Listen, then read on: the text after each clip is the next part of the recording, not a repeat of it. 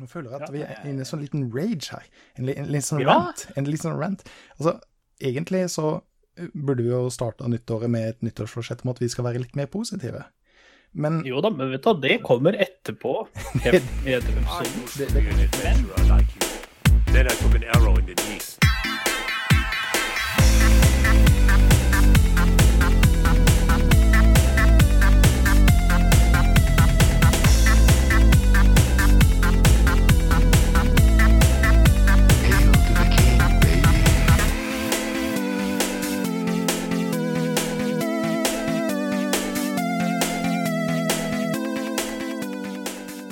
hallo alle sammen, og velkommen til Spill og chill, podcast-episode nummer fire.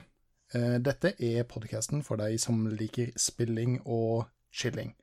Eh, Vi er på en måte ingen profesjonelle anmeldere eller noe autoritet på dette mediet. Det er veldig på hobbybasis, men føler at vi har en del å bidra med. Eh, Mitt navn er Bob Rob. Jeg har allerede åpna den min, så jeg får ikke den vanlige åpne-lyden. Og på andre siden av skjermen min så har vi Gunnli. That's me. Ja, tusen takk for at eh, du hadde den. Jeg åpna ølen min akkurat eh, et halvt minutt før vi trykka play her. Um, Ja, så da turte ikke jeg gjøre det, nemlig.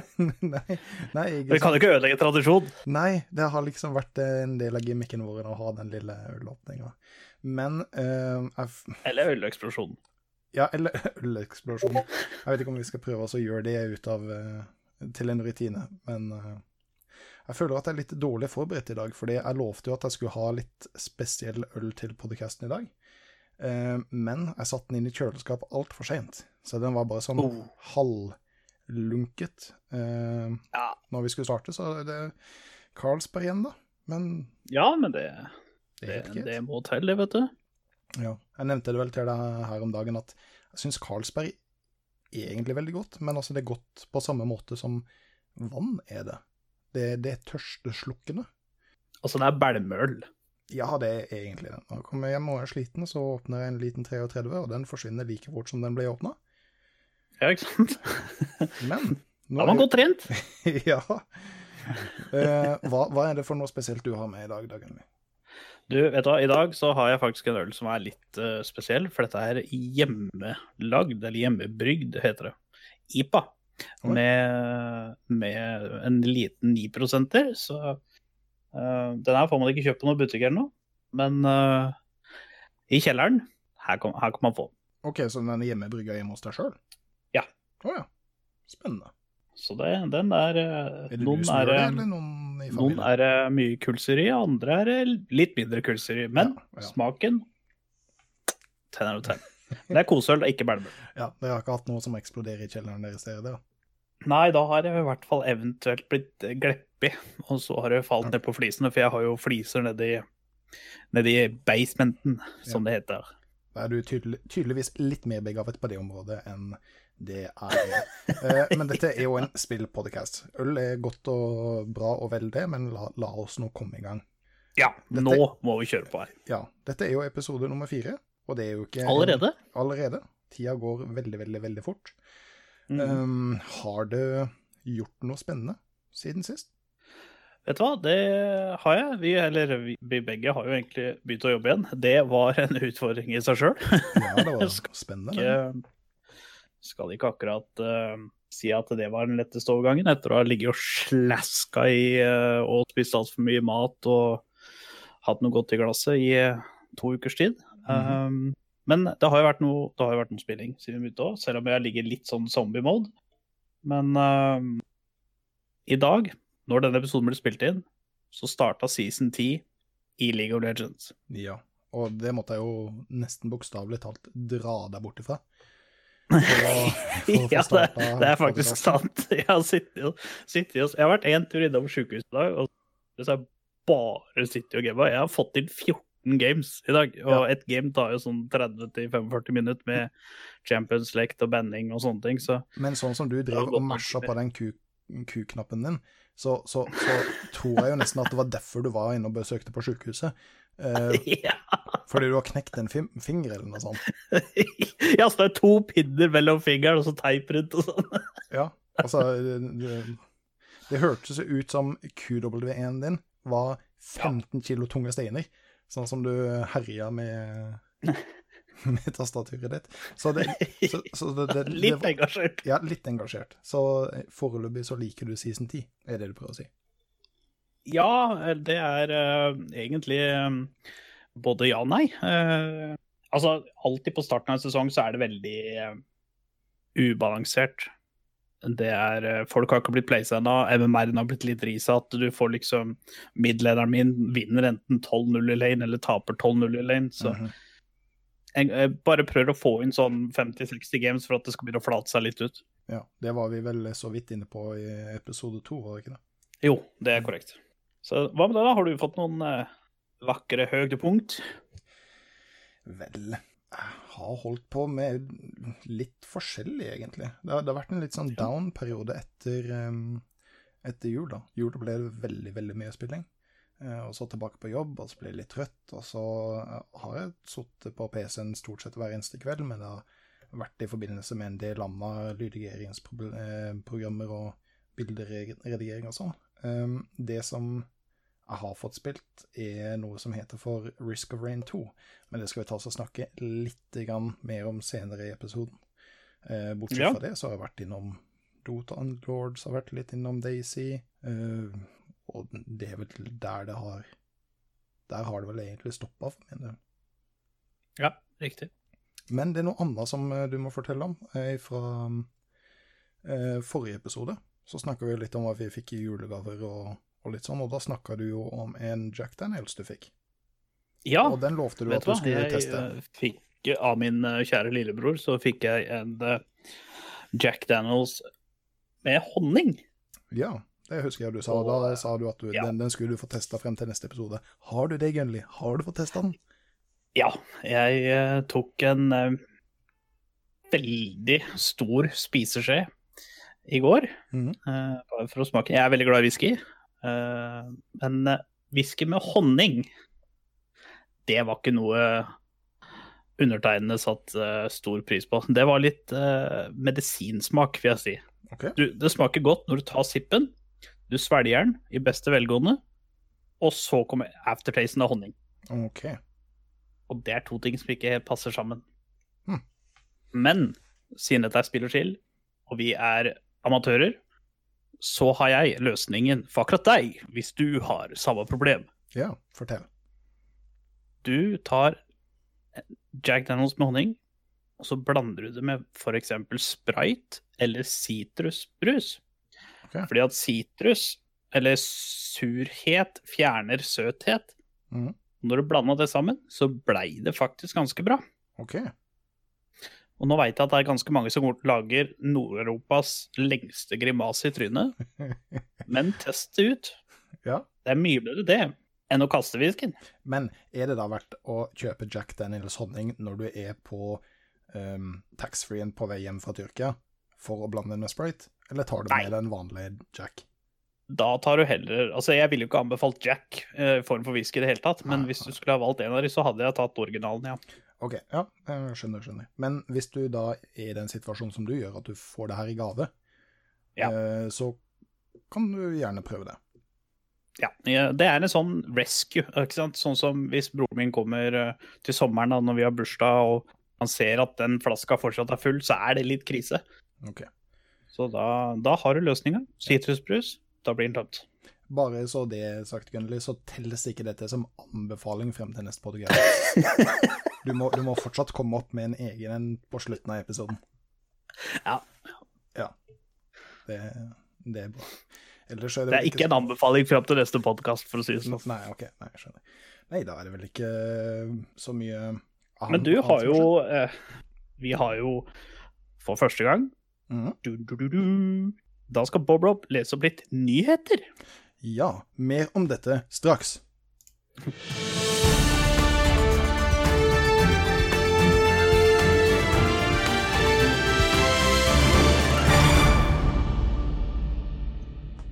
Helt ærlig, hva syns du om den? Det var dritbra! Jeg holdt på å begynne å klappe og sånn. Det var liksom å holde meg igjen for ikke å gjøre det. ja, for Det var dritbra. ja, for du sa, du sa jo til og med følelsen sånn ditt, ditt, ditt, ditt, ditt, så det var ikke for å drite Nei, vet du hva jeg skulle sagt? Oi, nå får jeg høyre på høyre. Ja, ikke sant. Og så, og så kommer vi inn med den, og så Da, da, da er jo jeg på nyhetene, ikke sant. Eh, Ja. Jo, nyhetene med Bob Rob. Eh, nå er det jo CES eh, om dagen. Eller det kan godt hende at det er ferdig, men eh, du finner iallfall mye nyheter eh, rundt omkring på internetten, YouTuben osv., videre Og og det er én liten ting der som jeg syns er kjempespennende, som jeg har lyst til å, lyst til å ta med. Og det er noe fra Dell sitt Alienware. Og det er noe som de kaller for eh, Project UFO, eller Concept UFO. Eh, som er en liten håndholdt Eller liten og liten, den er faktisk ganske stor, men det er fortsatt en håndholdt um, eh, gamingkonsoll. Det er egentlig oh ja, sånn, en, sånn Switch-størrelse, da, eller? ja, den er veldig Switch-størrelse. Kanskje en liten tanke større. Men det er fordi de har tatt veldig mye vanlige PC-komponenter og komprimert det ned i en veldig, veldig veldig liten størrelse. Og det ser kjempespennende ut. Eh, den har Kult. samme utformelse, så du har en skjerm i midten, og så har du to joysticker på, eller joyconer, som de kaller det, på hver sin side. Men de ser mer ergonomiske ut, og de ser mer logisk ut enn Switchen. For det har jeg hatt slitt med de gangene som jeg har spilt Switch, at jeg, jeg, jeg syns de joyconene har en litt sånn rar layout, for å være helt ærlig. Den her ser litt mer tradisjonell, mer sånn eh, PlayStation, eh, Xbox ut. Og den har kjempefin og kraftig maskinvare, iallfall den prototypen som er ute nå. Og den har veldig mye mer utility, for det er ikke bare en gamingkonsoll. Du kan ta av joyconene og bruke skjermen som en liten PC, og til og med koble til et lite tastatur, f.eks. via Bluetooth, og bruke det for ja, eh, task management, hvis du nå trenger det. Uh, Ja, blir det sånn som en desktop, eller blir det mer sånn som en f.eks. en uh, blir som- tablet pro og en eller annen sånn? Ja, ja det, blir, det blir mer sånn. Mer, mer som en tablet som du kan uh, bruke til jobboppgaver. Og når de jobboppgavene er ferdige, så fester du på joyconene. Og så spiller du spill i relativt høy FPS med relativt eh, god um, grafikk. Så det er iallfall kjempespennende. Det er iallfall verdt å gå inn og så lese litt informasjon om det og se noen videoer på det. Og, og noen av de reviews av de som har vært inn på CIS og testa det. Det er veldig, veldig veldig mye spennende som er ute nå. Det er skjermer som TV-skjermer som ruller seg sammen, det er tabletter som folder seg, og det er telefoner som Telefoner som ja, det som bøyer seg bakover, og kommet ut nye skjermer med 360 hertz, og det det, det er veldig, veldig veldig mye som spennende, spennende som skjer nå. Så hvis dere følger med på andre news outlets og, og sånn, så er det verdt å kikke litt rundt omkring på de CSS, CIS-videoene. Absolutt. For det, det er faktisk veldig spennende. Ja, det er kult. Det høres jo ganske spennende ut. Ja, det er nok ikke noe som jeg kommer til å bruke penger på med en gang. Fordi det er greit å se det litt først, vel. Ja, og så eh, regner jeg med at prispunktet kommer til å ligge ganske høyt, i og med at det er ja, såpass kult som det. Eh, men eh, du får, du får ikke plass til den i lomma di. Men eksempel i sekken din, mulighet til å dra den opp, eh, surfe litt rundt omkring og spille noen kule spill. Eksempel på et fly eller tog eller noe sånt. Det, Mm. det virker kult. Men jeg tror nok jeg Ja. komme til å stå i første linje for å fordi jeg må ha en, men det er fordi jeg ser ikke det store bruksområdet for min, min del. da. Nei, altså jeg tenker eh, at akkurat nå, hvis jeg skulle ha kjøpt noe sånn, så ville jeg kjøpt Switch. Ja, for dette er jo fortsatt prototypestadiet, så de tar fortsatt eh, feedback fra publikum og sånn for den endelige Det er bra at de gjør det, da. Ja, de har vel egentlig ikke kommet med noen release-dato, eh, men det er et konsept som er fungerende nå, og får veldig mye blest, så at de kommer ut med det til slutt, eh, det, det er jeg helt overbevist om. Helt overbevist. Så det, Mm. det, det er spennende. Ja, ja, men det høres spennende ut. Da blir det spennende å følge med saken videre, da. Ja. Noe som jeg kommer på nå, det er at du snakka forrige episode om at du hadde spilt litt Raid Shadow Legends. Ja, Eh, og det er så smooth at jeg aldri skulle spille det. ja, Og så spilte jeg det. ja, og da i utgangspunktet så likte du det. Ja, det er eh, veldig godt formulert. I utgangspunktet så likte jeg det veldig godt. Det var veldig funny. Men nå hater jeg det. OK. Det, det var jo en eh, 180 mute grab. Hva, Ja. Dette har gått eh, skikkelig hjemme. For da jeg begynte å spille Jeg vet ikke om det var fordi at det var en tidligere stadie av spill, eller hva det var for noe, men eh, da var det ikke noe reklame. Det var ingenting som poppa opp. Mhm. Nå, når jeg bare går inn på spillet, eller nå har jeg sletta det, da, men da jeg gikk inn på spillet, så poppa det opp sju tilbud med at du kunne kjøpe denne championen, og så kryssa jeg ut den, for det ville jeg ikke. Okay. Og så kom neste, og nå kan du kjøpe disse gemsa, og så kan du kjøpe de og de og de og de og de. Og så kryssa jeg ut alle de, og så bare Ha, nå kan dere begynne å spille. Nei, da popper det opp tre sånne greier til, med Ja. andre typer gems, bare en annen prisklasse. Og det er liksom alt fra 49 kroner og opp til 1500 kroner. 1500, ja. Ja. For, for dette var jo noe som vi diskuterte forrige podcast, hvor vi var litt um, nysgjerrig slash bekymra for forretningsmodellen deres, og, og var Ja. litt spent på å se hvordan det utvikler seg. Og det ser jo litt ut som det utvikler seg i Dette feil går feil retning. vei. Ja, dette Det, altså, det går helt banalt. Men på en måte så jeg, altså, Nå skal jeg ikke forsvare de, jeg skjønner de, men jeg forsvarer de ikke. Det er fordi at Rage Avalanche de sponser så mange streamere og content createre at til og med på Twitch nå så er det eh, folk som streamer Rage Avalanche for at de får betalt for å gjøre det. Og de må jo tjene inn de penga et eller annet sted, da. Mm. Ja, ja, ja, det er klart de må tjene penger på en eller annen måte, men det, altså, det er jo måte på. Ja, altså, jeg bare tenker at hvis en kid låner telefonen til pappa, holdt jeg på å si, eller hva det skulle være for noe, og øhm, ja, hvis han får liksom trykka på 'ja, det har jeg lyst på', det har jeg lyst på, det har jeg lyst på, så kan han ha svidd av 5000 kroner i løpet av tre bare på innlogginga. Ja, og, det er jo som du sier, når du hele tida blir kasta i trynet på deg på den måten. Så Ja, du får ikke spilt spill engang i starten. Du må liksom ett minutt fysisk nitappe på et kryss på skjermen for å fjerne alle pop-opp-greiene. Men noen ganger så er det bare bare i gåstein fem pop-upper. Andre ganger så er det ti. Men åssen påvirker dette gameplayet? Altså, jeg skjønner det er jævla meget irriterende å sitte og trykke på den X-en og, og fjerne alle reklamene før du får lov å spille, men hvordan påvirker det gameplayet? Altså jeg vil anta I PVP så vil jeg anta at det uh, kanskje påvirker det ganske mye.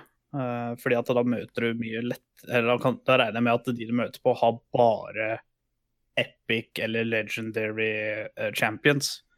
OK, ja, ja, for det er ikke bare skins det er snakk om.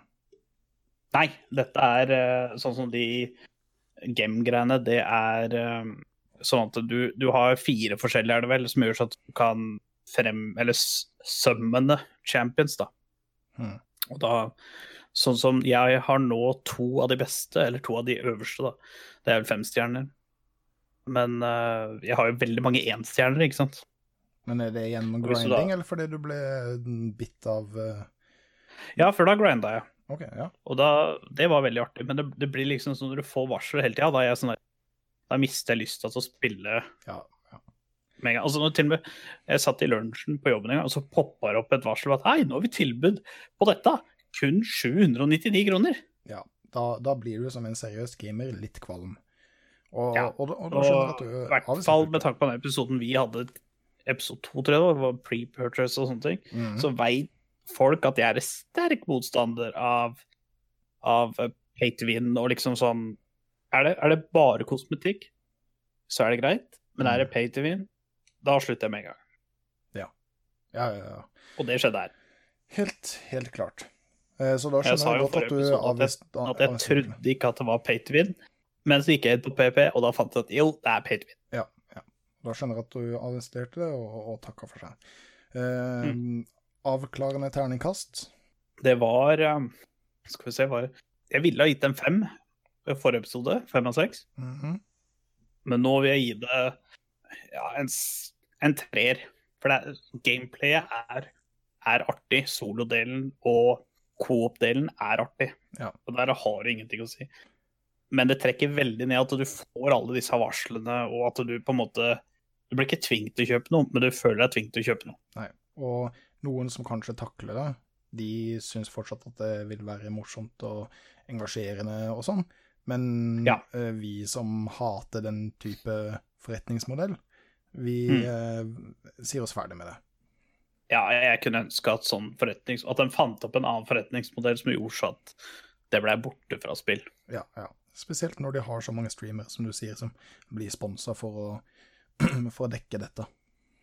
Men eh, bare mens vi er inne på dette, Mm. hva ville du ha foretrukket for før? Vi, vi har jo vi har levd et par mannsaldre og opplevd et par kriger og sånt, men eh, før så var det sånn på mobilspill at du, du spilte litt, og så kunne du få gratis in game-lut hvis du så på en 25 sekund lang reklamesnurt.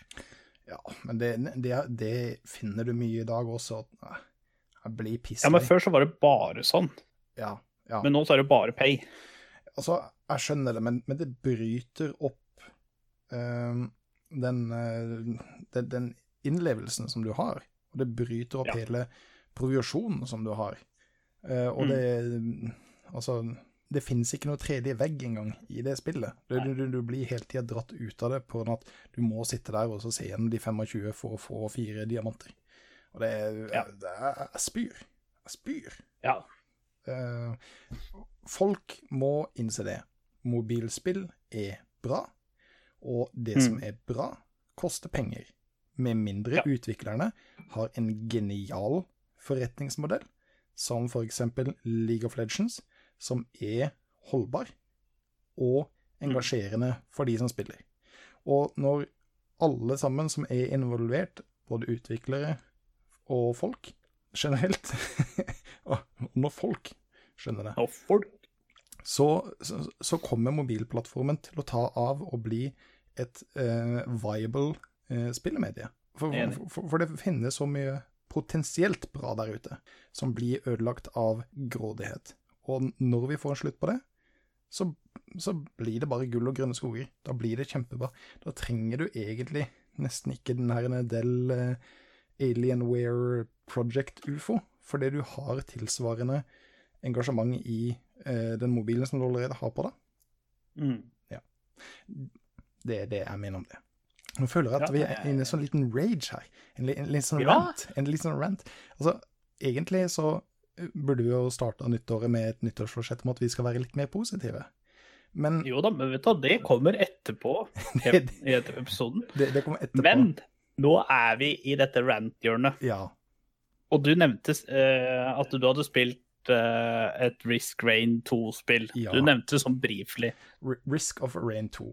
Og, Ja, Risk of Rain 2. og, og det passer jo veldig bra i denne tangenten som vi er på nå. Ja, kjør på. Fordi uh, jeg spilte ikke Risk of Rain 1. Og så er det en kompis av meg, LP Skinny, shout-out, som eh, sa det at Risk of Rain 2 må vi laste ned, og så må vi spille det sammen. Og da gjorde vi jo den gruppa som jeg spiller mye eh, sammen med, vi, vi gjorde det. Og førsteinntrykket mitt var at det er et kjempefint spill. Det er en type roguelike, eh, som er at du fighter monstre, du samler lut, og når du dauer, så starter du basically helt på starten av. Og det er om å gjøre å overleve så lenge som mulig, drepe så mange monstre som mulig, og bli så kraftig som mulig, før du ikke klarer å følge leveling-systemet i spillet, og dør og må starte på nytt. En typisk rogue, roguelike, eller roguelite, tror jeg de ville kalt dette. Mm. Uh, og, og, og det er en spillsjanger som jeg syns er veldig morsom. Uh, estetisk så ser det helt greit ut. Det har litt sånn nesten sånn selv-shaded, litt sånn ruglete grafikk. Eh, ser ut som en dårlig rendra Hva skal jeg kalle det? Eh, tegneserieaktig sak. Men, men det kommer du fort over, for det, gameplay er engasjerende. Det er morsomme monstre, det er morsomme mekanikker. Eh, items du, som du får, gjør en veldig stor rolle, men det er også der spillet står og faller. Hvis du spiller dette spillet alene, uten noen venner som, i det hele tatt, så har du det kjempemorsomt. For du kan samle Mm. alt lutet til deg sjøl, og så blir du superkraftig, du blir OP, og altså, til slutt så eksploderer bare skjermen din i masse farger, lyder, monstre og bevegelser. Men når du Ja. tar vennene dine inn i dette, det er da spillet blir ødelagt. Etter min mening. Oi. Ja. Fordi eh, du kan spille opp til Jeg mener at det er fire, kanskje fem Det kan hende at jeg må arrestere meg på senere. Eh, Men la oss si du spiller opp til fire spillere sammen. Så får du flere chests og flere loots. Men det er ikke Mm. nok til å gjøre opp for prosentdelen av loot som du får hvis du spiller alene. Så hvis du spiller den sammen med noen som greeder, så etter første og la oss si andre level, så har kompisen din han har tolv items. Og hvis du er Mhm. veldig uheldig, eller spiller en character som har litt treig mobility, så har du kanskje tre, eller maks fire items. Som gjør at kompisen din er veldig OP for level tre, og kanskje til og med level fire. Men du er Ja. underpowered hele veien, og er avhengig av han for å carry deg. Og jeg kom opp med en idé mens vi satt og spilte det her, fordi det er tydelig at du har noen som er tanker, du har noen som er DPS, og du har noen som er utility champions, som du unlocker etter hvert. Og Mm. hvis du hadde spilt det slik at tanken får eh, tank items, DPS-en får DPS eh, basert på range eller close combat items, og utility-fyren får utility items, så kunne det funka veldig bra. Men da må absolutt alle sammen være enige i at dette itemet tilhører meg, dette itemet tilhører deg, og så må man også ta seg tid til å bevege seg over hele mappet for å komme seg til eh, den chesten som har det itemet som du trenger, som tar veldig, veldig mye tid. For dette spillet er også basert på tid. Du kan bruke én time i første verden, og Mhm. eh, spillet blir grisevanskelig. Eller så kan du bruke fire minutter til å komme deg til level fem. Og det vil være like vanskelig. Så jo mer tid du bruker innenfor de forskjellige verdenene og sånn, jo vanskelig blir spillet uansett. Og okay. akkurat det som jeg sier, at når du spiller med vennene dine, så er det alltid noen som er passe um, levela for det levelet som du er i. Men til slutt så må han også dele itemsa med deg, så man kommer seg ikke like langt. Og det- Dette blir veldig tydelig når du ser på hvilken leveler vi har kommet til. Når vi har spilt fire stykker sammen, så er maks-levelet vi har kommet til, level 5. Når eh, han som Alle dere sammen? Altså, ja, alle. Å, når vi er fire spillere som driver og slår mot hverandre. Maks level er fem. Er ikke det veldig lavt? Jo, det er ekstremt lavt. For LP som, som fant ut eh, at vi skulle spille dette spillet sammen, alene, helt solo, så er rekorden hans level 36. Ja. Så den, så den spilleren som alene klarer å komme seg til level 36, kl har ikke mekanikk nok til å carrye et fire teamlag over level 5. og det viser bare hele greia mi, som, som gjør at det, det spillet det kommer jeg ikke til å røre på et år, for dette er fortsatt early Nei, det er early access, men det er beta. Ja. Uh, han sitter og spiller det nå. Jeg sitter og ser på discorden. LP Skinny, shout-out til deg. Risk of Rain 2. Eh, og, og, og, og da blir det så tydelig. Items har alt å si. Så hvis du ikke får de til riktige personene, uh, og om du har en kompis som spiller med deg, som tar itemsa uh, som du kunne hatt, så, så kommer du ikke like langt. Jo, det er morsomt å spille sammen med venner og sånn, men når det er så tydelig et handikap å spille sammen med venner, så hvorfor i all verden skulle du gjort det? Sitter du alene og spiller, kjempekult for deg, vær så god, kos deg masse, men ikke invite meg. Jeg gidder ikke.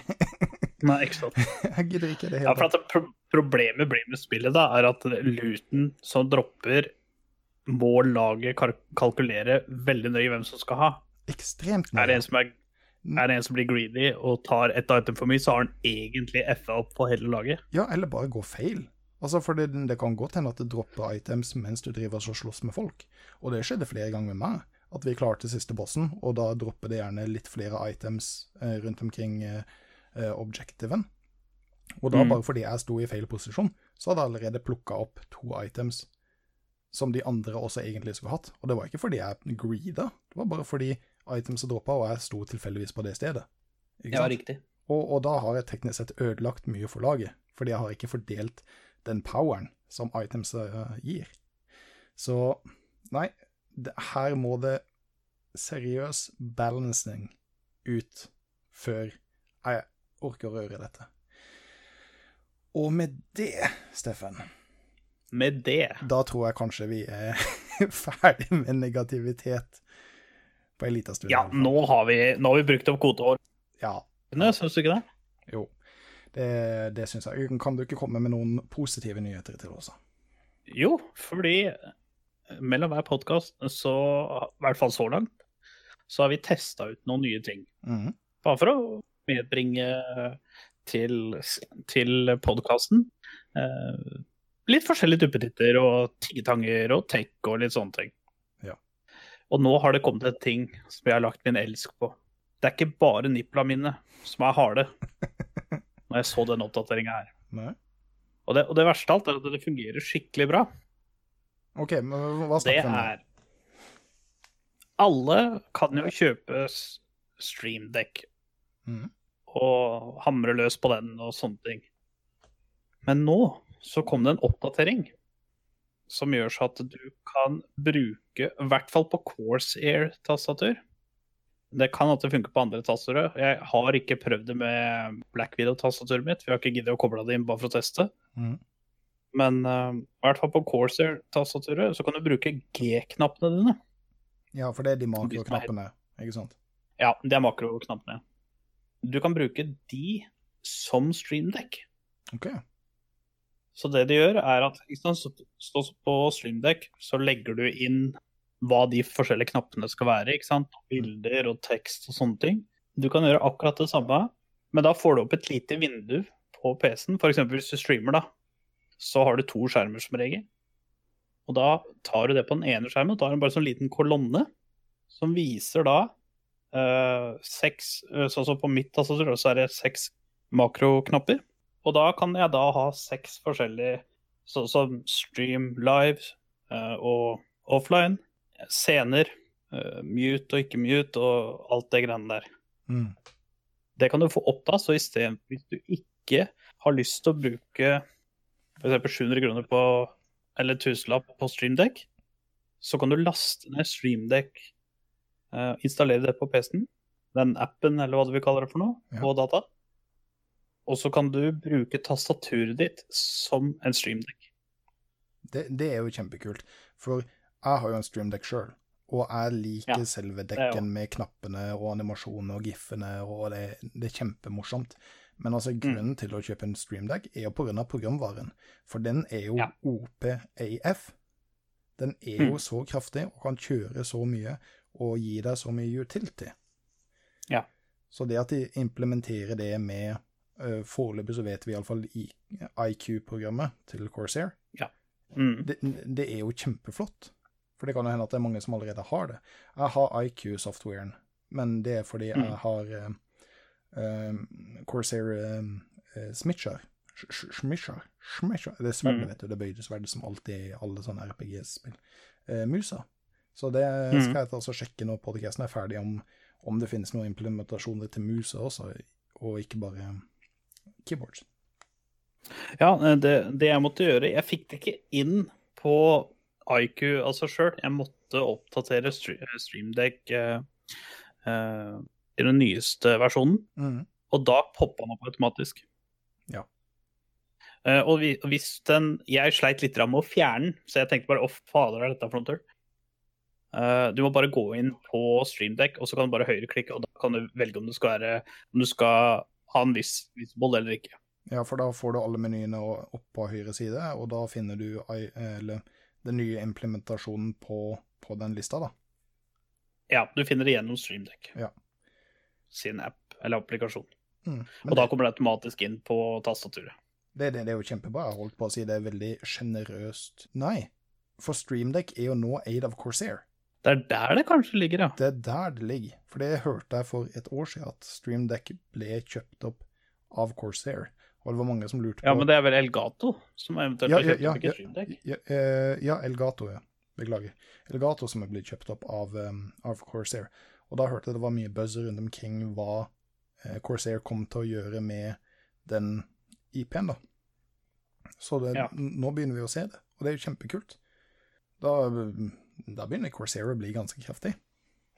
Ja, i 2018, stemmer det. Mm.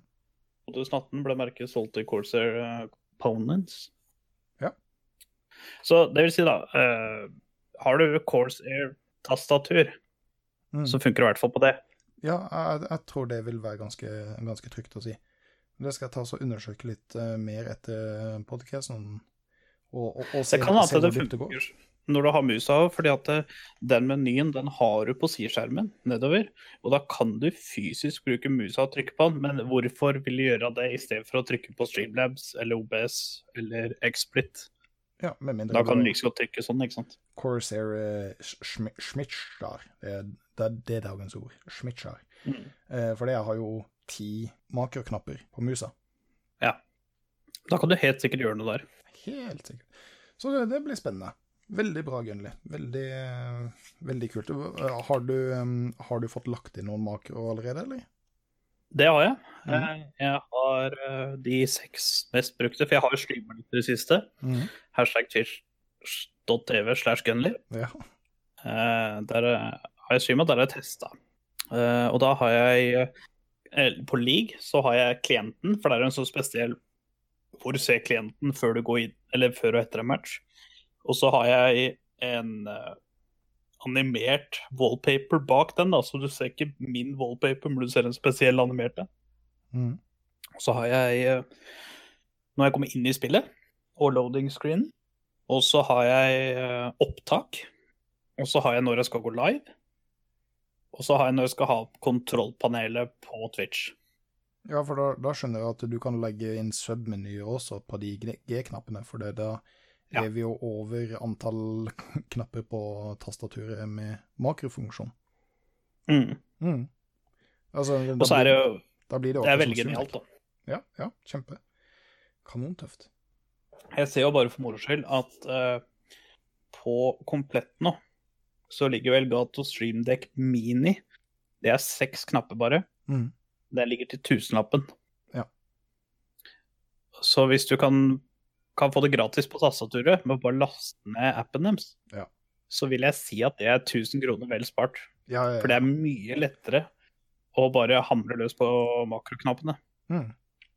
Ja, og det er genialt. For Og, og det viser på skjermen hvilken som er aktiv. Så du vil hele tida se hvem som er aktiv. Og, og som sagt, det er jo genialt, for Corsair sine tastatur er jo allerede uh, vanvittig bra. Uh, og at de Ja. legger til den her utilityen er jo ja, veldig, veldig smart av de, for å si det sånn. Ja, jeg, jeg gikk jo over fra Racer og til Corsair i som, fjor sommer. Bare så, jeg har jo hatt eh, Black Video-tastaturene siden første Black Video kom ut. Det var jo først lys, og så kom det ut et med bare grønt. Og så kom jo mange forskjellige farger, og så kom jo versjon 2 mange forskjellige farger. Mm. Så nå bytta jeg til Corsair K95 Platinum. Skjær opp til Corsair. Ikke sponsa. Eh, spons oss. ja, please, props. Uh, nei, så jeg testa det, og jeg har bare testa det i tre-fire dager, men jeg, digger det. Jeg bruker faktisk makroknappene mine mer enn streamdekken akkurat nå. Mm. Ja. Jeg har jo um, den mediumen, eller den originale streamdekken, og den bruker jeg vanvittig mye. Så Mm. Det, det, det, det er kraftig utility som bare gjør det, hverdagen veldig mye lettere, og, og streamingmiljøet veldig mye vennligere. Absolutt. Men fra én god nyhet og til noen andre. Vi har jo satt oss i en oppgave, og det er kanskje den tøffeste oppgaven som har vært. Vi har begynt på et nytt tiår. Vi har reflektert på et tiår. Og da fant vi ut at vi skulle prøve å lage en topp tre-liste hver, med hvilke tre spill som har Hva skal vi kalle det? Uh, bobberen? Skal vi si at det er de som har betydd mest for oss dette tiåret, eller de tre beste spillene som har kommet ut tiåret?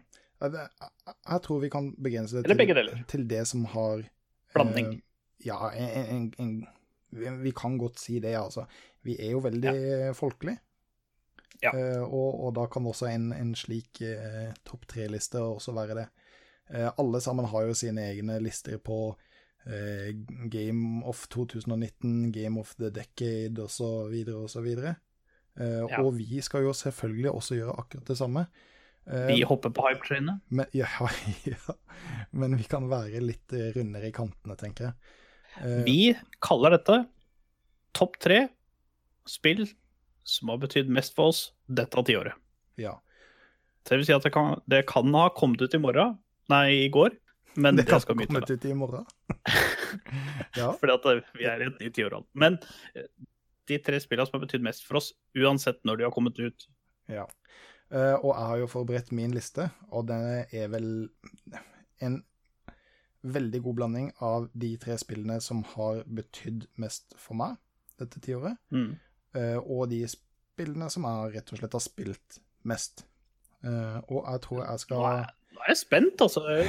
Nå kan ikke du drive og holde oss på pinbenken her, Bobbern. Bobberen. Nå må du kjøre på. Ja. Skal Eh, du ta honorable mentions først, eller skal du bare kjøre på? Nei, jeg, jeg, jeg, jeg kjører på.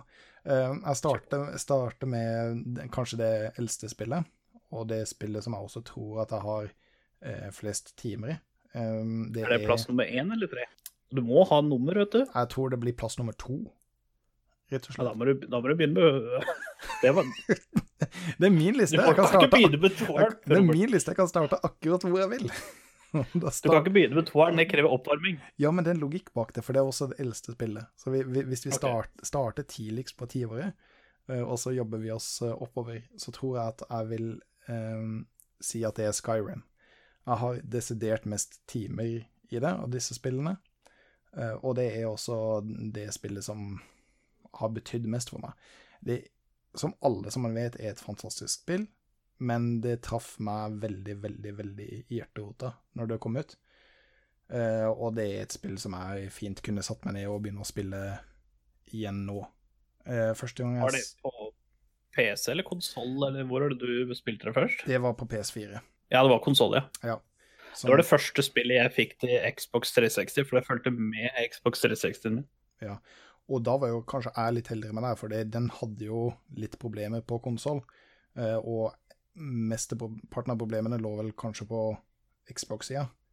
Eh, jeg opplevde ikke egentlig noe problemer. Jeg hadde to krasjer, tror jeg, i løpet av eh, mellom 700 og 800 timer. Jeg starta det, ja, jeg det spillet så mange ganger på nytt. Jeg laga mine egne regler. En av mine favorittkarakterer, som heter Boruto Komonos Eh, var en counter, og regelen med eh, den characteren var at alle våpen som jeg brukte, måtte være countera. Så jeg, eh, jeg måtte manifisere et sverd, eller måtte jeg manifisere en øks, eller ei bue. Og det var det eneste som Ja. jeg fikk lov til å gjøre gjennom hele spillet, og det, det, det var en kjempemorsom måte å, å spille det på. Men alle som man vet hva Skyrim er, og de fleste har sikkert allerede spilt det, så vi skal ikke bruke altfor mye tid på det. Eh, Det neste spillet som um, jeg har Nå er jeg ikke helt sikker på utgivelsesdatene på det her, men jeg kommer til å velge min uh, nummer tre nå. Uh, og Nummer det er Hearthstone. Um, Oh. Eh, det har jeg også vel brukt veldig mye tid i. På en, eller i en periode så tør jeg påstå at jeg var ganske flink i det. Og hadde kjempemye morsomt når jeg kunne sitte opp til klokka tre på natta og spille det, helt til jeg begynte å gjøre så vanvittige feil at de som jeg spilte mot, begynte å friende meg bare for å spørre hva i all verden var det du gjorde nå? Hvor jeg måtte reply at vet du hva, jeg har sittet her i tolv timer i strekk, klokka tre på natta her i Norge. Eh, Så eh, jeg bare tenkte helt feil. Og nei, jeg, jeg, koser meg masse med det spillet. Jeg spiller ikke så mye nå, fordi jeg føler at de expansionene som har kommet ut, har vært altfor omfattende. Så hvis du har tatt en liten periode pause fra spillet, så er det veldig, veldig vanskelig å komme inn i det. Eh, og jeg føler også at ekspansjonene har vært for stort for Blizzard. Eh, for sist gang jeg var innom og sjekka, så var det en kombinasjon som var så OP at spillet rett og slett endte opp i en loop, eh, hvor helt på slutten, når jeg avslutta spillet, for det gidder jeg ikke vente mer, så hadde ponten min over 9000 armor. Fordi han fant en kombinasjon som gjorde at når folka hans døde, så fikk han armor, men han hadde også en dude Nei. som drepte alle folka sine, og så ble alle sammen reviva, og så døde alle folka hans, og så fikk han mer armor, og du skjønner hvor jeg vil hen med det her. Det bare ble Ja. fanga i en loop. og hadde ikke lyst til å tape spillet for dette var ranked, bare for å, bare for å quitte, for det var jo åpenbart at han hadde tapt. Han kunne jo Han hadde jo så mye armor at det det var, det var helt sjukt. Jeg har et lite klipp av det også. Um, så etter det så har jeg egentlig ikke spilt det så veldig mye. For det er klart når du legger ut ekspansjoner som, som gjør det at du ødelegger ditt eget spill, så begynner det å bli litt sånn, sånn smådrøyt.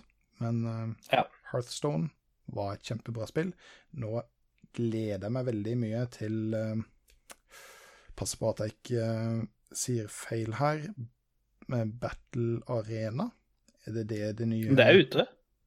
Ja, jeg vet det er ute, men det er bare i Early Access, og jeg har ikke fått uh, oh, ja. jeg har ikke fått access til den ennå. Jeg har um, um, alt sammen lasta ned og klart, men kontoen min er ikke blitt godkjent for, for Early Access. Okay. Så det gleder jeg meg kjempemye til, for det tror jeg skal ta seg meg inn i. Jeg liker League of Legends-verden, og, um, og, og har litt trua på det, på det spillet. Eh, tre, eller førstemannen min, har jeg gått motsatt eller riktig rekkefølge? ja. Du er på førsteplassen nå. Jeg er på førsteplassen, ja. Og det er kanskje grunnen til at jeg er så engasjert i spillmediet som jeg er nå. For før så var jeg litt sånn filthy casual gamer, som spilte litt av hvert. Og, Litt sånn filthy? Ja, og det, det var liksom det. Det var ikke så nøye med noen ting. Men så begynte jeg å spille Arma 3. Eh, eller det vil si, jeg, jeg begynte å se på Frankie on PC sine videoer. Ja. Og Hvem er det som ikke har gjort det, liksom? hvem som ikke har gjort det? Og som jeg tror jeg nevnte i første episode, så sendte jeg til og med en mail til den, og fikk svar tilbake.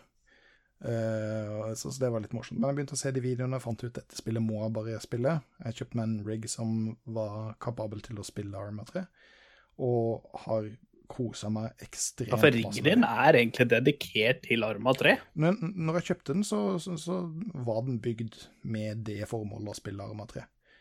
Eh, og Arma 3 Exile mod, som i utgangspunktet starta som Daisy-mode, som ble en standalone, og så lang historie der. Eh, for jeg er jo også veldig glad i Daisy, men det er jo mye fordi det har kommet ut av Arma. Og jeg tror Arma har gjort veldig, veldig mye mer for um, spillemediet enn de aller fleste er klar over. Det er også en grunn til at det er på lista mi.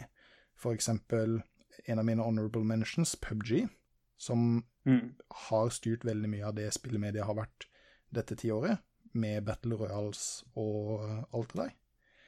Um, men også Daisy kom jo ut av Arma, som var et Mm. prosjekt og en mod som ble til et standalone-prosjekt. Ja. Men bare spillet i seg sjøl er kjempebra, men det er den mod-communityen som har mulighetene og verktøyene til å gjøre så vanvittig mye spennende. Har du lyst til å spille et bilspill, så kan du gå inn i Arma 3. Har du lyst til å spille survival-spill, så går du inn i Arma 3. Har du lyst til å RP eller roleplaye hele dagen lang som en ambulansepersonell, så kan du det med Arma. Det, det, det er på en måte en plattform for et, en vir, hel virtuell verden.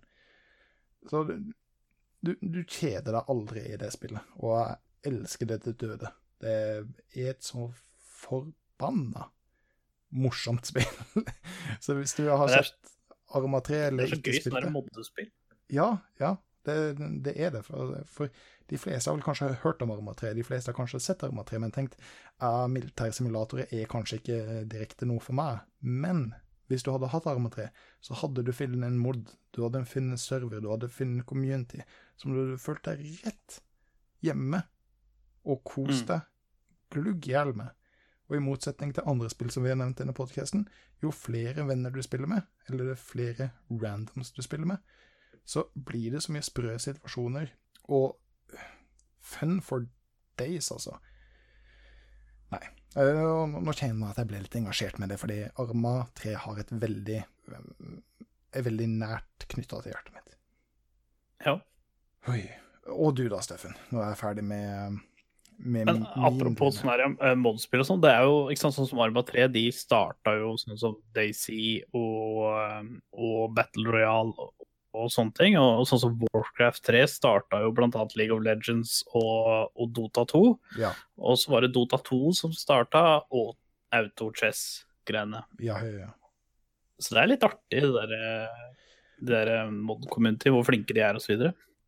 Det finnes folk i mod-communityen som sitter på så vanvittig mye kult som, som har blitt vist gang på gang at kommer ut som eh, blockbustere og bare er fantastisk bra spill i seg sjøl. Og så er det noen mods som bare er pure fun. Det, det er geniale folk som sitter der ute og lager disse modsa til eh, du, du kan spille Star Wars RP i Arma. Mm. Bare fordi det er en dude som har sittet og, og programmert dette og, og, og kosa seg med det for at andre skal, skal ha det morsomt. Og det, det, det er så fantastisk med en sånn community. Det er jo som- kult, da. ja, som, som, har en visjon. Lage noe gratis for at andre folk skal ha det morsomt. Det, Mm. det, det, det, er- fantastisk. Så Moddy-communityen har eh,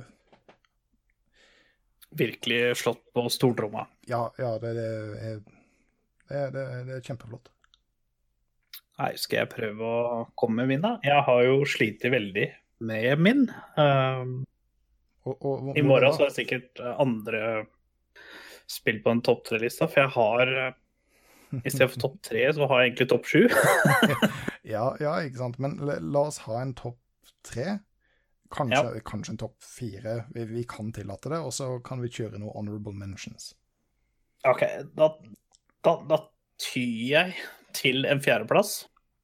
Ja, du starter nederst. Jeg starter nederst i jobbmåten. Nei, vet du, jeg skal starte med honorable mentions først. Okay. Jeg starter helt ned. Ja. Mitt første honorable mention-spill er World of Warcraft. OK. Brukte ufattelig mye tid på det mellom ja, 2010 og 2013, og det er derfor, kanskje derfor det er litt på, på honorable mention, fordi at eh, jeg har vært til, til og fra det, men jeg har aldri på en måte klart å engasjere meg 110 til den etterpå. Men den tida fra 2010 til 2013, hvor vi gutta boys hadde eget guild og grinda som noen helter i paringstida. Vi pusta World of Warcraft. Vi levde World of Warcraft. Og vi spiste World of Warcraft. Mm. Og jobba litt innimellom. For World of Warcraft kom jo klart ut før 2010, men i og med at vi er såpass runde Ja. i kantene som vi er, så, så, så er det dette som på en måte har påvirka deg mest det tiåret, da. Ikke sant? Men det skal også sies det har kommet mange expansions da, i dette tiåret. Mm. Så sånn sett så er det relevant. Ja, vi kan regne med nei, expansion også. Ja.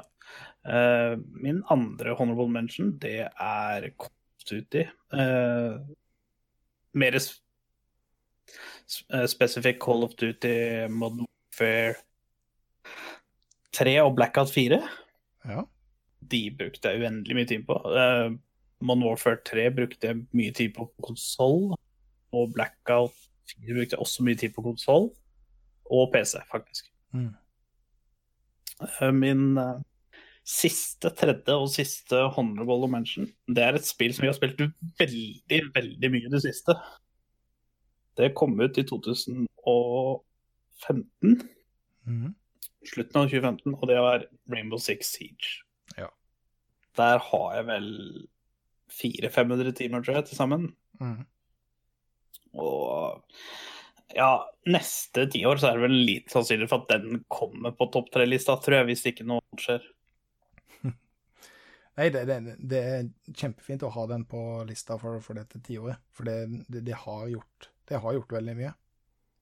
Ja, det har det absolutt. Og det har liksom Jeg liker å kalle det fornya CS, på en måte. Det er jo ikke de samme type spillene, men det er på en måte det samme type spillet. Jeg, jeg, skjønner hvor du vil hen, jeg, jeg ser den, helt klart.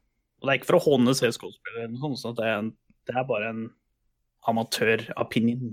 Nei, helt klart, for hvis vi har noe eh, global elites her, så eh, ville de nok gjerne hatt et, eh, et ord eller to med deg i bakgården, men Ja. jeg, jeg skjønner hvor du vil hen. Jeg skjønner hva du mener. Så da skal vi se Fjerdeplass. Den som sniker seg inn, dette var egentlig Jeg hadde egentlig den på tredjeplass. Mm.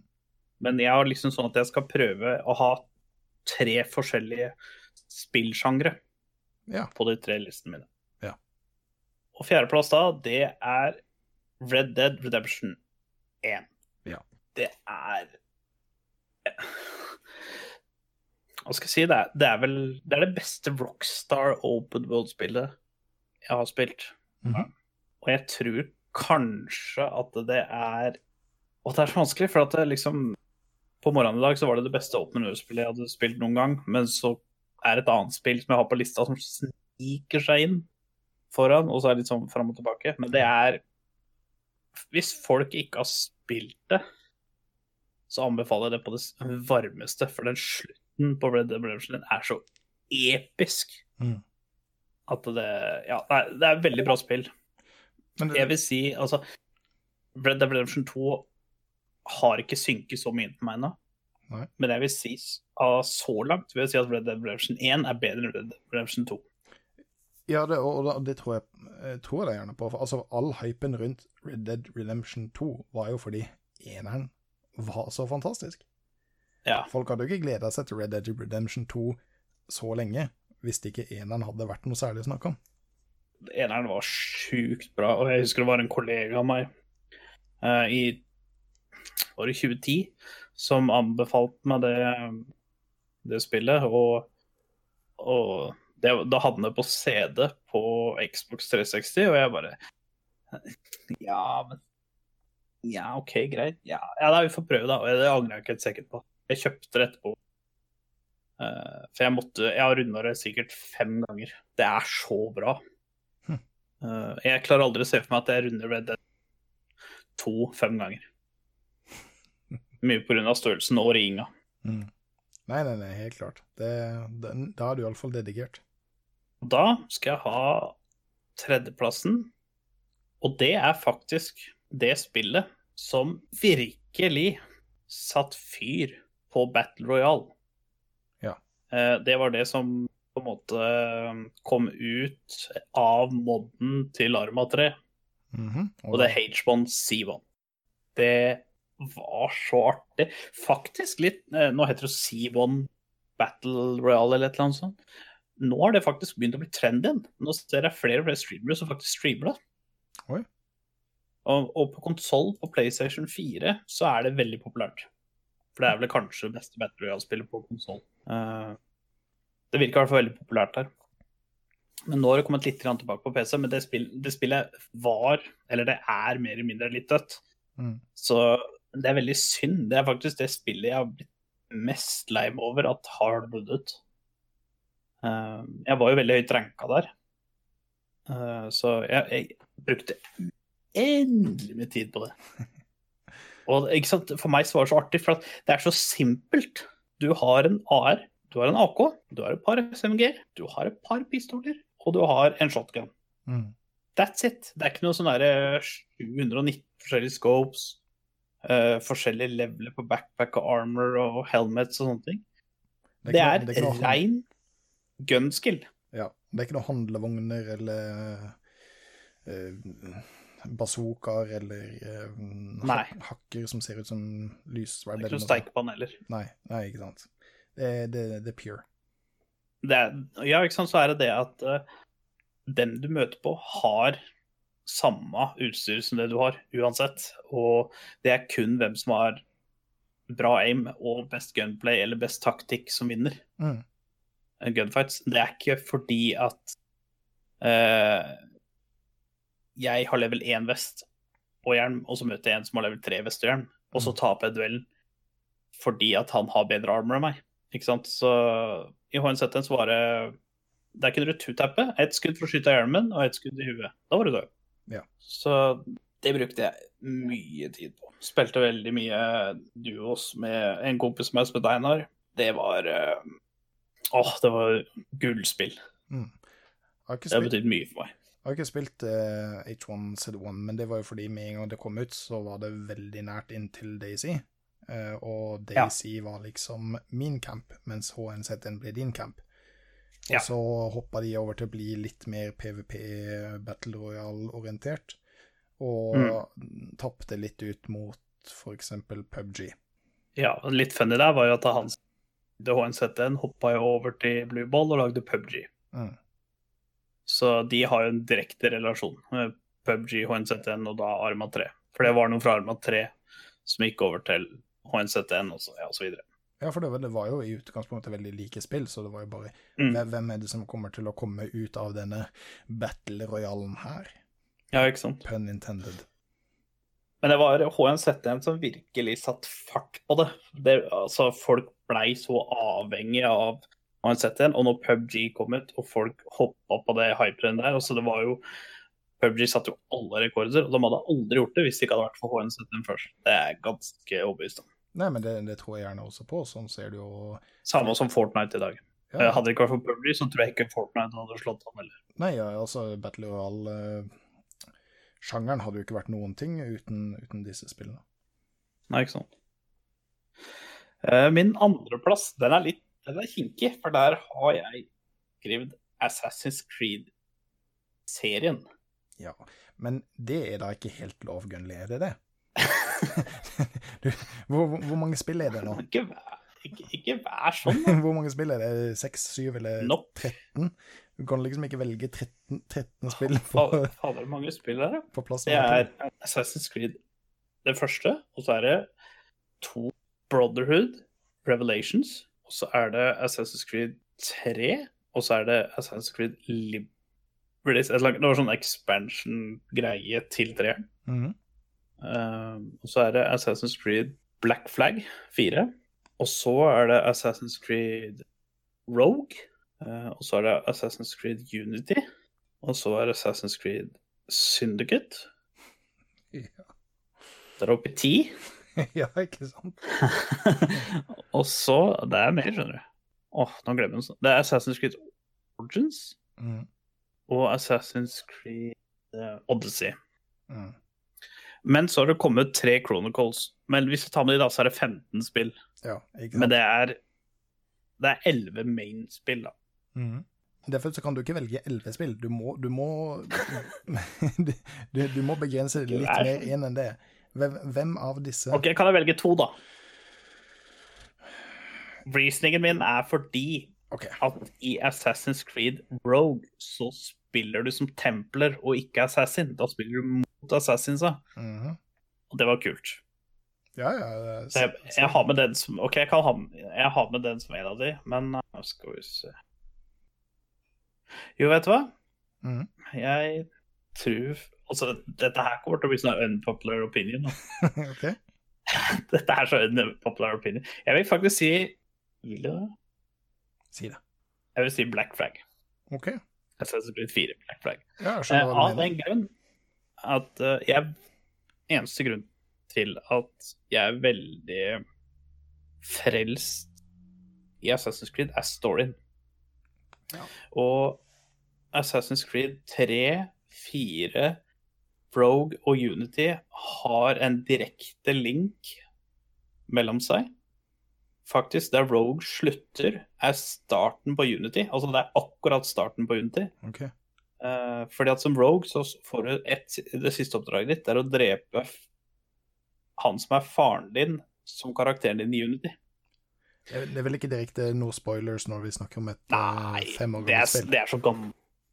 Det, Unity var det spillet som fulgte med Xbox One Så den, den er god. og PlayStation 4. Den lar vi passere. Ja, den bør gå. Det er ganske gammelt. Mm. Så jeg vil si, og da er, vil jeg si det at eh, ikke bare at eh, Black Flag var et bra spill, eh, for du var en helt annen type. Du var en drunk pirate-kjaka som skulle liksom bli rik på å stjele skatter og sånn, og kona di liva deg og alt mulig. Men du spiller jo som bestefaren til O'Connor, som er main-karakteren i treeren. Og faren som eh, Heaton Kenway, som du også spiller litt på starten av treeren. Så det er liksom Fireren er så viktig i storylinen, og derfor vil jeg si at det er det beste spillet. Det er morsomt å høre på deg, for nå begynner vi å gå ganske deep law. Ja, jeg blir så engasjert i det, for at det, det er derfor jeg spiller. Altså, jeg har brukt så mye tid på det, og jeg, jeg er sånn at når jeg spiller Creed, så gjør jeg alt. Altså, jeg er 100 det sønder og sammen. Mm. Ja. Eh, Det er tydelig at du er, at du er fan. Uh, Veldig fan. Et par Assassin's. Creed, men det er vel eneren og toeren, tror jeg. Ja. Toeren er også veldig bra. Ja, ja. Nå skal jeg ta og holde meg litt i, i nakkeskinnet, og så skal jeg prøve, prøve å gå videre. Jeg skal prøve å legge Assassin's Creed-storyen Ja, min død. for nå må vi komme til nummer én. Ja, og de som kjenner meg nå, kommer vel ikke til å bli veldig overraska, for det er League of Legends. Ja, Det var ikke overraskende for min del. Nei, Men- hadde du blitt overraska nå, så hadde jeg blitt skuffa. Men da må vi også avklare, for det kom vel ut i 2009, gjorde det ikke det? Jo, det uh, offisielle lanseringa vel 20. oktober Eh, eh, 2009. jeg- Gjenta det en gang til, er du snill. 27. oktober 2009. Og, og oktober er jo ganske seint på året, da. Ja, altså, jeg vil jo si at det på en måte Altså, sesong én begynte i 2010. Mm.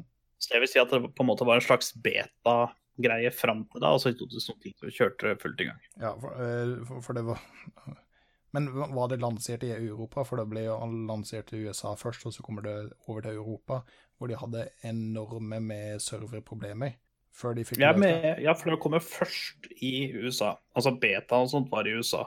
Men da sesong én var klar til da var det kun NA og EU som hadde servere. Mm.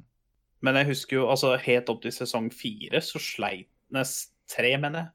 Så sleit de jo litt med at du måtte jo hele tida stå i kø på logg og sånne ting. Det var altfor liten server. Og så fikk de opp en ny server i Amsterdam, om jeg ikke tar feil, Jo, det tror jeg stemmer. i season fire. Eh, Og i season to eller season tre så fikk de også servere i Korea.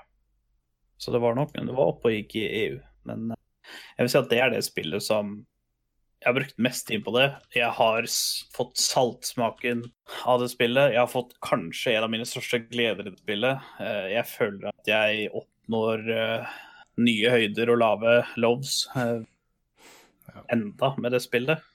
Og ja, det, det er strategier, det er komfort, det det er det jeg liker. Og så er det det å rekte noobs. Det er en hobby som jeg tror jeg kommer til å ha til jeg går blir gammel, havner i rullestol og ikke kan annet enn graut.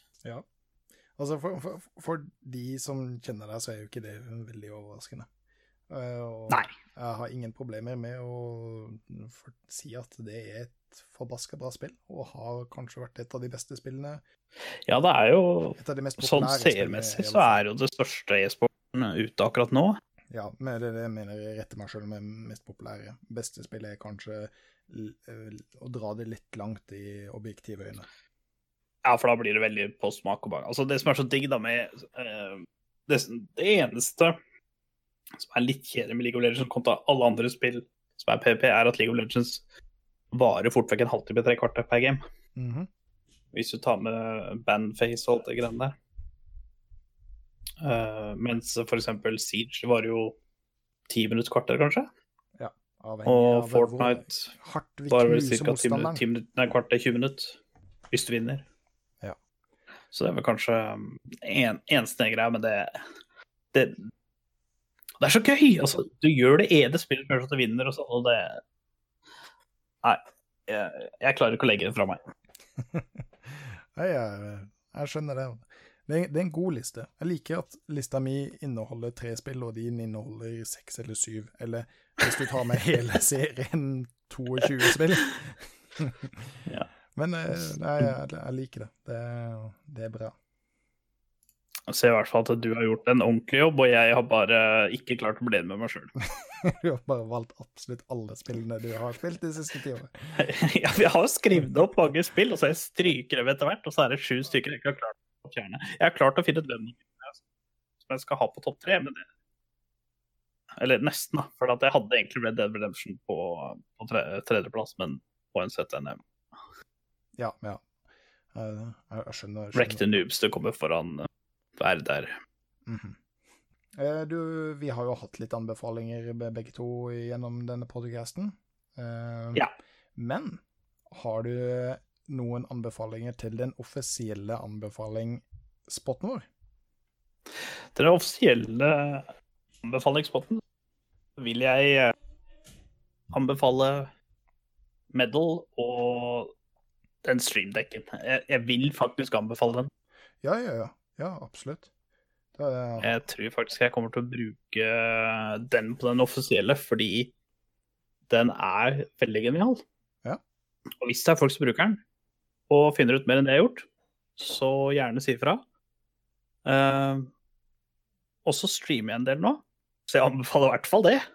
Ja, og kanalen din igjen var Promotering er god promotering. Det er twitch.tv slash gunly. Mhm. Den kan vi også plugge i f.eks. YouTube-videoen vår. Det kan vi gjøre. Vi kan plugge din nå, faktisk. Sånn, Ja, nå, nå har jeg ikke på streama så veldig mye, jeg har litt, eh, litt problemer med nettverk, så vi, vi plugger den litt senere når jeg, når jeg er mer aktiv på den. Ja. Men det, det er jo kjempeanbefalinger, med, spesielt med, med Medal, som vi også har vært inne på eh, i, i eh, tidligere episoder. Eh, Du er like fornøyd med det, og Ja, helt kanon. Eh, jeg brukte det mye i går, for da spilte jeg Rocket League. Eh, Så testa det da, og da med kontroller, og ikke bare med tastatur, og det fungerer som fjell. savner du um, Place.tv? Jeg savner det for at jeg hadde veldig bra klipp der. Ja, ja, ja. Men applikasjonen så har jeg kommet videre til Medal. Ja i, i, i, Jeg er blitt så vant til å bruke Medal at nå, nå går det fint. Ja, ja. Så i, så i ren eh, bruk og UI og alt sånn, så, så er det ikke noe spesielt spesielt du savner? Det er medal.tv, by the way, Ja. Løp og last ned gratis. Ja, på interwebnettet. Ja. Har du noen anbefaling, eh, Bob Rob? Ja. Um, jeg har tenkt veldig mye på det. Skal jeg anbefale øl? Skal jeg anbefale hardware eller software eller eh, nye T-skjorter? Um, men jeg kommer til å holde eh, til podcasten, eh, og så vil jeg anbefale et spill som heter for Deep Rock Galactic. Eh, hvis dere Oi. har hørt om det, så vet dere hvorfor jeg anbefaler det. Du stoppa meg på Deep Rock. Ja, Deep, Deep Rock Galactic. Eh, det er et dansk um, utviklerselskap som heter Ghost Ship, som har utvikla det. Det er fortsatt i alfa, men jeg har spilt det nå i eh, litt over et år. Og ifra jeg begynte å spille det, hvor det var veldig, veldig bra og veldig, veldig morsomt, så har det bare blitt bedre. De har gjort valg, og de har eh, oppgradert eh, spillet og kommet med nye patcher og sånn, som, som bare er til det positive. Det, det er aldri sånn at du kommer en ny patch, og så lurer du på hvorfor i all verden har de endra på dette. Det er en god grunn til det. Det er eh, strake motsetninger til det, det som jeg mislikte med Risk of Rain. Jo flere du er med og spiller, eh, og Mm. jo bedre venner du er med de som du spiller med, jo morsommere er det. Og, eh, og jo lettere er det. det. Du er noen dverger som eh, reiser til en planet, grav dere dypt ned i jorda, og finner noen hulesystemer som skal utforskes, og eh, mines for mineraler. Og innimellom all den traverseringa og mininga som foregår nedi her, så kommer det waves med aliens. Og det har kommet så mye nye, kule, morsomme og dritekle aliens. Det er ikke et skummelt Oi. spill, men det er flere ganger som er what the fucker. Fordi plutselig så kommer det et monster som aldri har sett fra et sted som jeg ikke skjønte at det kunne komme fra. Det, det, det er kjempemorsomt. Sjekk det ut på Steam. Eh, Det koster selvfølgelig penger, for det er det gode spill gjerne gjør. Men Mm. absolutt verdt å sjekke ut. Det er um, veldig, veldig morsomt. Hvis dere laster ned det, eh, gi beskjed. Jeg blir gjerne med på et game. Vis dere hva som skjer. Eller hvis dere allerede er erfaren i dette spillet, så blir jeg med å spille bare for the hell of it. Det er sterkt anbefales. Det er et meget, meget godt spill. Det høres jo helt perfekt ut. Mm. Det er jo sansen for. Det kanskje jeg skal prøve. Ja. Øh, jeg er overraska at vi ikke har spilt det samme. Det må absolutt gjøre. Men Da har vi vel kommet til eh, det som heter uh, siste kapittel for denne episoden. Ja, absolutt. Det har jo skjedd litt forandringer der siden sist også. Eh, Etter å ha knota vanvittig mye med eh, Apple eh, sitt podcast-system, så er vi nå ute på iTunes, Apple, Apple Podcast, eller hva du nå enn kaller det. Der ligger Mm. episodene våre ute. Det ligger også ute på Spotify, Og det ligger som alltid ute på um, Podbean, og det ligger også på YouTube. Eh, alt sammen der er spill og chill. Eneste forskjellen er at på YouTube så er det spill, mellomrom, tegne for og og spill. Mm, chill, mener du. Det er det jeg mener. Chill. Spill, spill og spill. Det, det, Spill og spill! For, foreløpig så ligger det ikke så veldig mye video der ute. Mest uh, lydfiller med gameplay fra dette, så den ligger Ja. litt lenger ned på den lista. Det er spill, mellomrom, tegne for og og chill. Mm. Uh, og litt lenger ned på sida der så finner du logoen vår, og der finner du også podcastene med, med noe gameplay. Har du valgt ut noe gameplay for denne episoden, eller? Jeg har ikke det i, i uh, snakkende stund. Men jeg har et arkiv med litt opptak som jeg har gjort i det siste, og som jeg har fått. Eh, og ting, For vi tar veldig gjerne mot spillopptak. Veldig gjerne. Så det hadde vært helt konge hvis det er noen som har lyst til å sende noe spillopptak fra uh, diverse spill. Det kan være hvilket som helst spill, for det, dette skal bare være et klipp som, som ruller og spinner mens du hører på våre vakre stemmer. Ja, Foreløpig. Vi har litt planer videre utover, men vi, vi får se hvordan dette utvikler seg, og, og hva vi klarer å få til i realiteten. Ja, for vi har jo prata litt uh, smått om, eller vi har jo prata om det egentlig, men uh, vi har jo tenkt da å spille når det kommer et nytt spill i 2020 som vi ser litt frem til. Mhm. at vi skal kjøpe det og spille det. Og jeg vil ikke kalle det en anmeldelse av spillet, men vi vil gi vårt inntrykk Ja. av det spillet. Meget politisk korrekt. Ja, om det er noe vi vil anbefale, eller om noe vi vil ha styrt unna. Mm. Det vil si at vi må jo spille gjennom hele spillet for å kunne gi en honest opinion. Helt klart. Forhåpentligvis vil vi nå kunne Og det, Streame den det vil komme opp på YouTuben. Og litt ja. vlogger og litt sånne ting. Litt sånn hvis vi drar på et eller annet eh, Hvis vi drar på TG for eksempel, så kan det hende at vi filmer litt og, og bare legger ut noen random klipp. Det trenger ikke å være noe sånn hardcore professional eh, opplegg, men bare sånn litt filming for å se på stemning, og her har vi vært. Helt klart mye å se frem til der. Når eh, kan folk se frem til eh, neste episode? Neste episode den kommer mandag den 27. Så det vil si akkurat to uker fra eh, denne episoden går live da, på YouTube. Ja. Og, og Spyfi og iTunes. Ja. Den kommer ut eh, søndag kveld, mandag morgen, alt avhengig av hvor eh, kjapt disse hostingstedene får, eh, får lastet det opp. Ja. Målet er i løpet av mandagen, for mandagen er eh, timeline. Noen ganger blir det en dag etterpå, og noen ganger blir det en dag før. Ja. I utgangspunktet mandager. Annenhver mandag. Slik at du har noe å høre på i bilen på vei til jobb. Absolutt. Eller i skolen. Eller når du har krangla med kjerringa.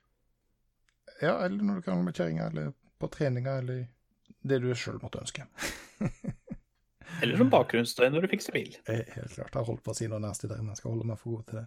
Oi, oi, oi. Har vi noe mer vettugt å- si før eh, dette går eh, helt av sporet? Nei, jeg tenker du kan si en setning ingen har hørt før. Da må jeg si boka under armen på apekatten. Og med det så takker vi for oss.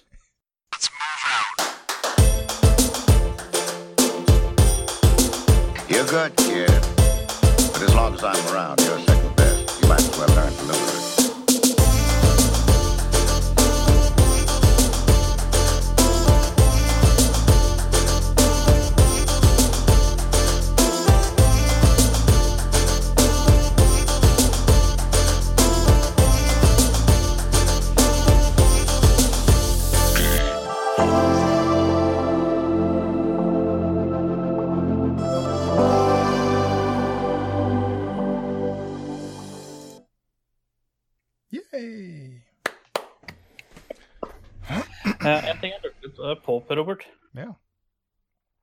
Det er at Dette må du ikke eh, klippe inn på noe som helst måte.